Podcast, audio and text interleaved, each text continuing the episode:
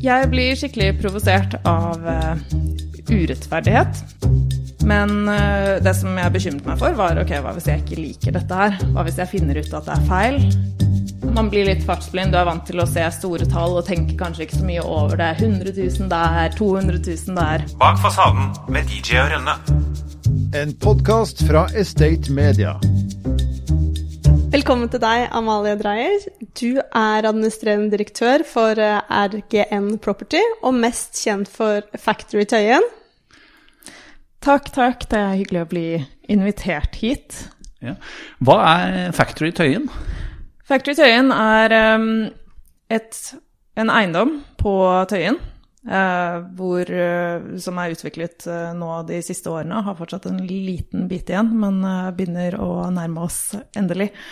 Um, det er et gammelt fabrikkbygg som nå har blitt transformert til å romme mange forskjellige konsepter. Alt fra et stort co-working, som tar ca. en tredjedel av lokalene. det er kontorer der vi har mer tradisjonelle leieforhold Eh, og eh, event space, og på bakkeplan så skal vi ha mye utadrettet virksomheter som eh, food and beverage og noe retail-konsept. Ja.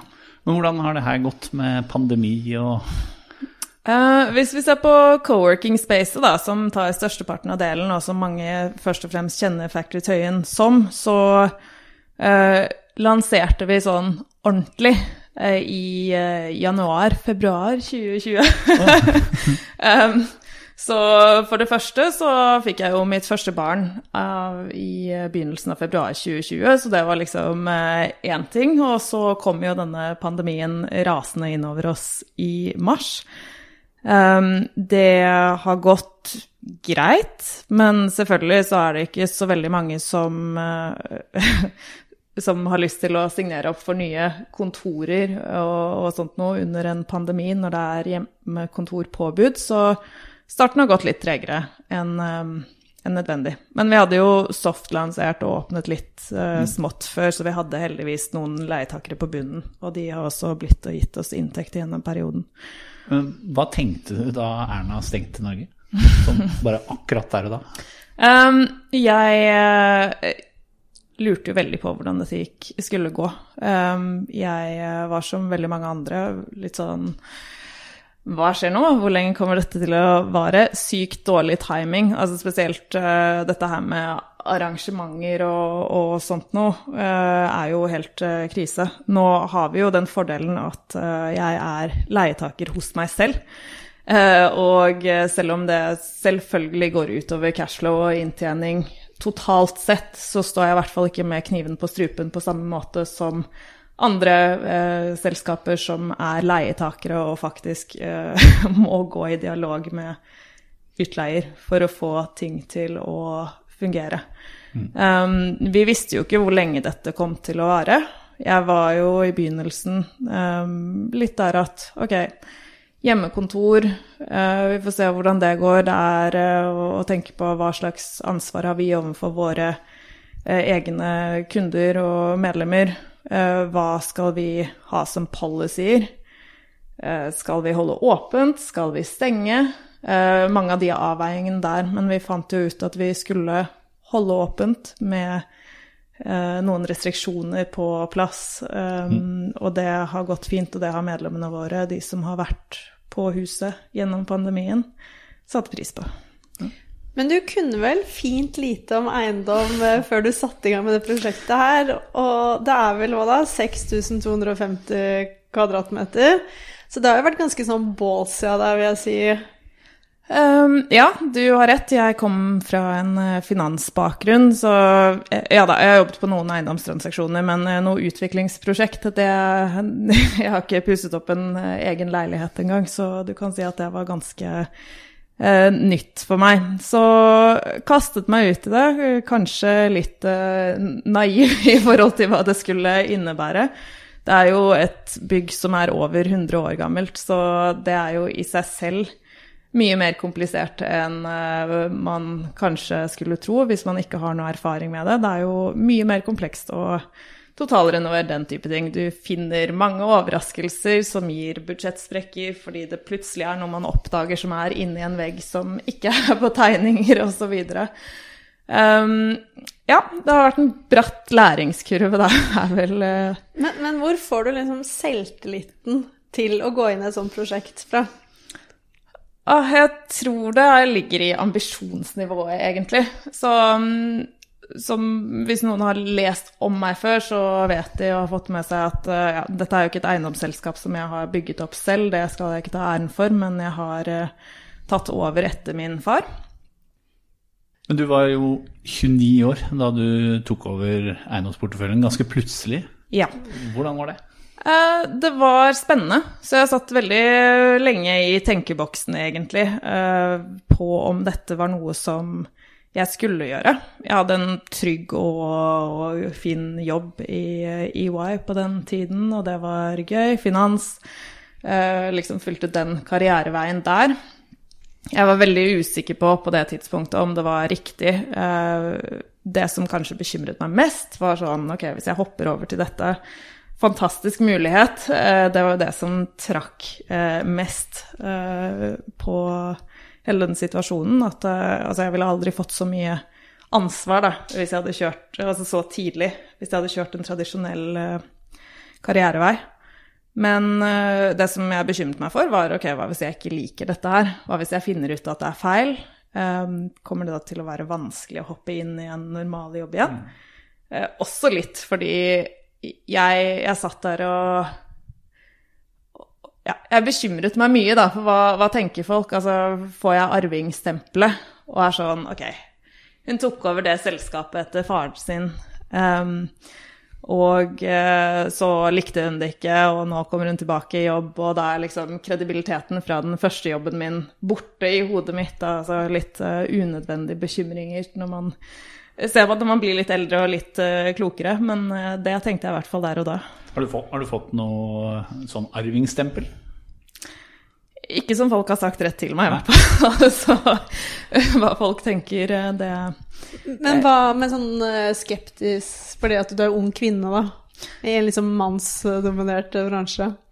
Det er det også sånn overraskende få som faktisk har kommentert på. Altså, folk tenker jo sikkert uh, sitt, og det vet man jo at det er noen holdninger som ligger der. Men uh, jeg tenker jo at man kommer inn, man har en mulighet til å, å overraske positivt, da. Uh, fordi folk kanskje ikke har så høye forventninger til deg. Brekkhus advokatfirma rådgir norske og internasjonale kunder innen en rekke sektorer. Våre eiendomsadvokater kjenner eiendomsbransjens muligheter og utfordringer, og bistår ulike aktører i utviklingsprosjekter, transaksjoner, megling, utleie og tvisteløsning. Vil du høre mer? Kontakt oss på post at breikhus.no. Du har jo nevnt eh, din tidligere finansbakgrunn fra Ernst Young. Mm. Eh, er det noe du liksom lærte i den tiden der som du har tatt med deg videre inn i eiendom nå?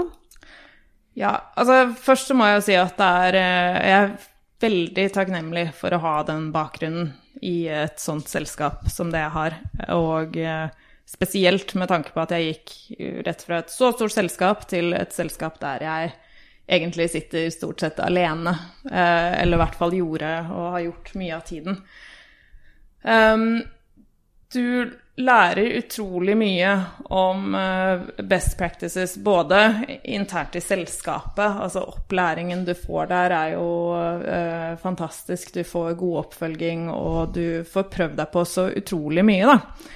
Og stillingen min uh, Jeg jobbet med finansiell due diligence med veldig mange forskjellige selskap, både store og små i forskjellige bransjer, og Eh, alt fra liksom bitte små uh, salg til børsnoteringer, og du får på en måte inntrykk av hvor mye forskjellig som finnes der inne. Du får, uh, i form av å gå over til en lederstilling, så får du mye både best practices og worst practices som du får eksemplifisert veldig, veldig godt da, ved å gå inn og se på alle disse selskapene som jeg fikk muligheten til. Um, og Og så gir det jo et lite perspektiv, da. Selvfølgelig så klarer man ikke å operere ting i et så lite selskap som jeg sitter i nå, på samme måte som man gjør i et uh, selskap med 150 000 ansatte på global basis. Men, uh, men, du plukker med deg noen ting og noen erfaringer som er viktige, og som uh, kan inspirere til hvordan man kan bygge opp selskapet. Da. Har du fått brukt de erfaringene på andre ting? Vel, sitter ikke du i styret i MAD Arkitekter? Jo, det stemmer. Jeg sitter i styret hos MAD Arkitekter, og det er jo eh, Ja, jeg har faktisk brukt, eh, eller referert, mye til erfaringen min i konsulentbransjen. Når vi har hatt diskusjoner der om alt fra lønn og hvordan man skal ha faktureringsmodell og osv. osv. Arkitekter er jo Eh, de liker sikkert ikke selv å bli kalt konsulenter, eh, men, men, det er jo mennesker som er til leie på en timesbasis, så det er jo sammenlignbart på mange måter. Og selv om bransjene er svært forskjellige, både menneskene som jobber i bransjene og, eh, og faget selvfølgelig er annerledes, så vil jeg jo si at det er mange likhetstrekk i hvordan man kan tenke, og selvfølgelig så kan du ikke trekke alt fra Ernst Young og bare implementere inn i et arkitektselskap. Um, men man kan likevel tenke litt på hvordan ble ting gjort der, og hva er det som man kan trekke inspirasjon fra, eller ta opp til diskusjon, osv. Um, utover det så er det jo selvfølgelig Jeg jobbet jo med noen eiendomstransaksjoner eh, som har hjulpet meg i selskapet også. Jeg forstår mer av eh, av det som man må gå gjennom. Jeg tror Hvis jeg ikke hadde hatt noe transaksjonsbakgrunn, så hadde jeg sikkert revet meg i håret av uh, disse due diligence-prosessene eh, som man må gjennom når man skal selge et, uh, en, en, eiendom, f.eks. Det hadde jeg sikkert irritert meg grønn over hvorfor de skal ha all den informasjonen her, så du får på en måte et litt annet syn når du har sittet på andre siden av bordet også. Da tar vi en kort pause for å minne om at BN Bank er spesialisten på finansiering av næringseiendom i Oslo-regionen. BN Bank er en rendyrket eiendomsspesialist og kjennetegnes av hurtighet, fleksibilitet og forutsigbarhet. Gode løsninger sikres gjennom medarbeidere med høy kompetanse og sterke relasjoner til kundene. Kontakt BM Bank nå. Amalie, jeg har jo møtt deg i flere sammenheng og vært og besøkt Factor Factory Tøyen mange ganger. Og noe av det jeg blir imponert over, er at du alltid har stålkontroll. Du er veldig sånn tydelig i meningene dine og god på detaljer. Og da har jeg liksom tenkt noen ganger Er du litt control freak? uh, det Ja, jeg tror mange sikkert ville svart ja på det spørsmålet. Uh, det er jo noe som jeg vil si at har sine positive og negative sider. Um, Men må du kanskje være det òg? Så det som jeg har lært da med eiendomsbransjen, og Eller nå sitter jeg i et lite selskap, så jeg sitter jo i den posisjonen at uh, jeg i stor grad mye av tiden har måttet holde i alle trådene selv. Mm. Um, litt som å være gründer, bare at det er uh, mye større, på en måte. Um, og du kan si at i egne prosjekter, sånn som i Kjølberggata Factory Tøyen, så um, ja, jeg har en innleid um, prosjektleder som skal holde i alle trådene for meg. Men det er likevel ikke deres egne eh, penger, det er ikke deres eget selskap som står på spill. Uh, I eiendom så er det så utrolig store verdier som, uh, som beveger seg. Og jeg tror mange, hvis du har jobbet på enda større prosjekter enn det dette her er, fordi ja, sammenlignet med mye annet så er det ikke så stort.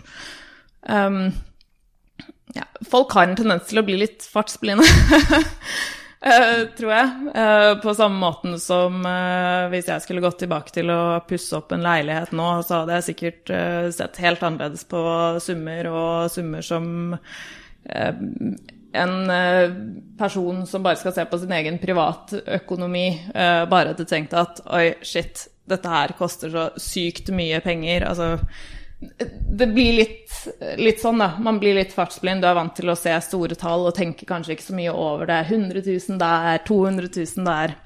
Uh, og uh, ja, så jeg føler at det har vært nødvendig å holde i det og forsøke å ha så god oversikt over mu som mulig. Men det er jo 1000 bevegelige deler til enhver tid, så, så alt klarer man jo selvsagt ikke. Hva er det som gjør deg skikkelig provosert?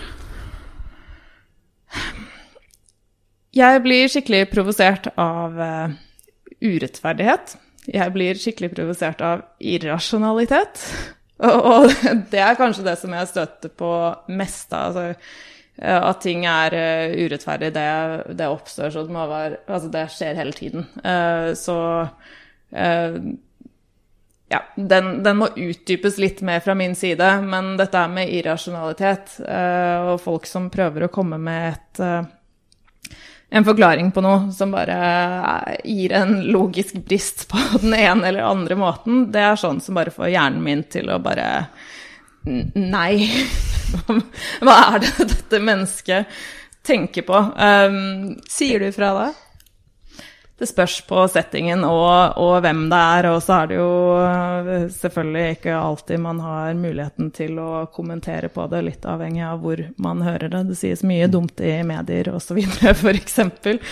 Eh, som man gjerne skulle hoppet inn og vært kommentator på eh, selv. Synes du politikerne kan nok om byutvikling? Jeg tenkte Det er et litt naturlig oppfølgingsspørsmål her. Um, det korte svaret er jo nei. Altså politikere Noen politikere har jo god erfaring, eh, god kompetanse, så man skal selvsagt ikke dra alle over én kam. Men jeg synes jo at uh, mange politikere, uh, også mange av de som sitter ved Stortinget, har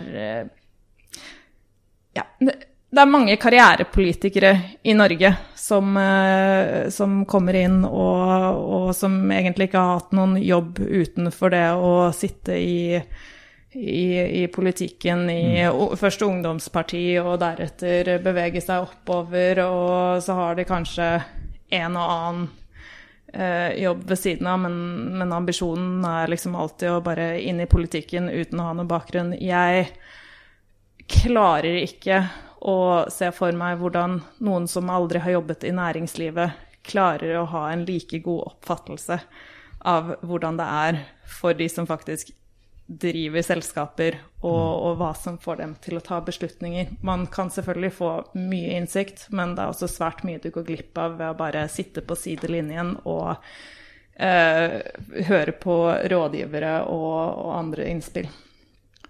Det er jo en del som Jeg vet du er jo veldig glad i Tøyen og det området. Og det er mange som prater veldig varmt om Tøyen. Mm. Eh, men er det litt sånn en del som driver og soler seg i glansen uten å gjøre noe òg?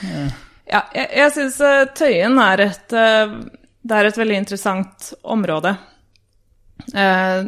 På veldig mange måter. Politikere, i, spesielt i lokalpolitikken i Oslo, så har jo Tøyen blitt trukket fram som, uh, som en bydel og en litt sånn Suksesshistorie? Uh, ja, suksesshistorie, men også noe som veldig mange bruker for å peke på hvilke brutte valgløfter og sånt noe som faktisk er der.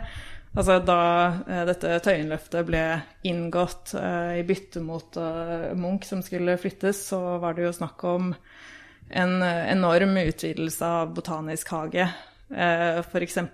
I stedet så kom det opp en eh, grå, stygg idrettshall som står ute på plenen der, som kunne vært en hvilken som helst annen farge enn det. Altså, eh, veldig fint for barn og unge, selvfølgelig, men, eh, men det virker ikke så veldig langsiktig, eh, etter min mening. De har Altså, Tøyen er eh, definitivt på vei til å bli et uh, mer populært område. Det begynner å bli et mer gentrifisert område. Uh, med de positive og negative sidene som det selvsagt trekker med seg. Um, inntrykket mitt av mange av de lokalsjelene som trekker på politikken for å få gjennomslag for ting, har etter min mening noe litt naivt syn på hele denne greia med områdeutvikling. Mm. Um, de tror uh, Ok, jeg kan heller si hva jeg tror, enn å ja. prøve å referere til hva de tror. Men jeg er jo av den oppfatningen av og, og forståelsen av at hvis du vil ha vekst i et område, så må du ha mennesker som kan bruke penger i et område. Ellers så kommer det aldri til å skje. Og er det et område der det kun er mennesker som ikke tjener så veldig bra, så kommer det ikke til å komme folk dit. Du drar ikke til andre siden av byen med mindre det er noe som trekker deg dit. Og det er både menneskene som bor der, menneskene som jobber der, tilbudene man har der. Så jeg Altså det er jo et veldig sånn sensitivt tema på mange måter, og eh, det er viktig å opprettholde diversity der. Det er viktig å finne gode måter for at man ikke skal pushe ut alt og alle som har bodd der gjennom, vokst opp osv. osv. Man må kunne få gode alternativer for dem også. Men det å ha en miks, og det at det, det flytter inn nye mennesker, at det blir en ny demografi, en, en ny miks, rett og slett, det tror jeg er nødvendig hvis man noen gang skal se at ting løfter seg. Og jeg tror eh, politiske tiltak eh, det kan hjelpe å, å på en måte kickstarte noe i et område. Men det er ikke langsiktig, med mindre de klarer å tiltrekke seg private næringslivsaktører. Her hører du noen av de 3500 ansatte som jobber i For Service. Menneskene er vår viktigste ressurs og suksessfaktor. Så når For Service er opptatt av bærekraft, handler det også om den sosiale delen menneskene. Gjennom rekruttering, nye arbeidsplasser, kompetanseheving og riktige samarbeidspartnere jobber For Service for å gi muligheter til mennesker. Også de som i dag står utenfor. Alle må starte et sted. Les mer på forservice.no. Hvor får du inspirasjon fra da? Inspirasjon får jeg mest fra reiser. Um, det er jo altså Factory Tøyen og hele greia der hadde jeg jo aldri klart å tenke ut um, verken konsept, uh, interiør og, og, og, liksom alle de tingene, hvordan jeg ønsket å ha det. Hvis ikke jeg hadde vært ute og reist mye. Um, Fra hotell, da, eller er det liksom Hotell er jo selvsagt én ting. Jeg, eh, vi har jo snakket sammen før, Silje, så du vet jo at jeg er glad i eh, hoteller og, og gjerne sjekke inn på de som er litt mer unike enn bare standard eh, også. Så der er det definitivt mye. Jeg Etter studiesiden, da jeg flyttet tilbake til Oslo, så involverte jeg meg litt i startup-miljøet. Og det var vel sånn jeg kom over co-working. Jeg hjalp til å arrangere noe som het eh, Startup Weekend her i Oslo. Og vi fikk lov til å jobbe, altså det var på frivillig basis, men vi fikk låne plass på Mesh, som på det tidspunktet var det eneste co-working spacet som var i Oslo. Eh, da ble jeg eksponert for det, og skjønte liksom hva, hva er denne co-working-greia. Uh, og når jeg har vært ute og reist, kanskje spesielt etter at jeg kom inn i eiendomsbransjen, da, og så har jeg sett litt mer på Ok, er dette her noe som er verdt å satse på i fremtiden? Så det begynte å bli et fokusområde for meg når jeg var ute og reiste, i hvert fall i større byer som vi vet at ligger et stykke frem foran oss, altså New York, London eh, og, og, andre storbyer. Eh, så jeg tok eh, nesten alltid, også på privatturer, og kontaktet noen av de som jeg syns så mest spennende ut. Og uh, stakk innom, lærte mye av det og fikk inspirasjon. Og på det tidspunktet da jeg satte i gang med Factory Tøyen, så var det på en måte ja, Markedet i Oslo da var så sykt mye tynnere enn det du ser det nå. Uh, nå fins det mange gode alternativ, men ja, jeg savnet et Factory Tøyen, rett og slett. Og eh, jeg, hadde opprinnelig intensjonen om å finne en leietaker som kunne bygge dette co-working spacet, som jeg selv ønsket meg. Um, jeg fant ut at det å tre min egen visjon nedover noen andre, det var kanskje ikke så lett. Og I tillegg til at jeg har Som sagt, min mann er gründer, og han er veldig sånn gjør det selv. Det er jo morsomt å starte ting selv. hvorfor, hvorfor, skal du ikke gjøre det, liksom? Så til slutt da så klarte han å, overtale meg til at uh, gjør det selv. Og det er jo også litt uh, naivt å gå inn i det på mange måter, for jeg hadde jo mer enn nok med det som jeg gjorde fra før av. Så uh, Det har vært mye å håndtere, men det har jo vært gøy, og det har jo blitt eh, veldig, veldig bra. Eh, og ikke minst akkurat sånn jeg vil ha det. Hvis du skulle gjort noe helt annet, hva, hva ville du gjort da? Åh, det er jeg litt usikker på. Altså, jeg syns politikk er fryktelig spennende. Dere åpnet så vidt den boksen der og, og merket kanskje at jeg hadde mye å, å komme med, selv om eh, det ikke egentlig er mitt eh, felt, for å si det sånn. Um, så politikk er spennende. Jeg synes Da jeg var yngre, så hadde jeg lyst til å jobbe med forskning, faktisk. Altså innenfor økonomiske fag. Um, det hadde jo Altså, å jobbe i akademia hadde jo vært noe veldig annerledes, men antageligvis gøy og utfordrende også. Og så har jeg jo en liten drøm som mange andre, og altså jeg føler at alle sitter inne med en eller annen restaurantdrøm om å enten være investor eller eh, et eller annet eh, medeier, eh, konseptutvikler til en restaurant eller et serveringssted. Det er jo sikkert litt fordi at jeg eh, jeg nyter bransjen såpass mye selv, så det hadde vært gøy å være medvirkende på et eller annet vis. Bak fasaden med DJ og Rønne. En podkast fra Estate Media.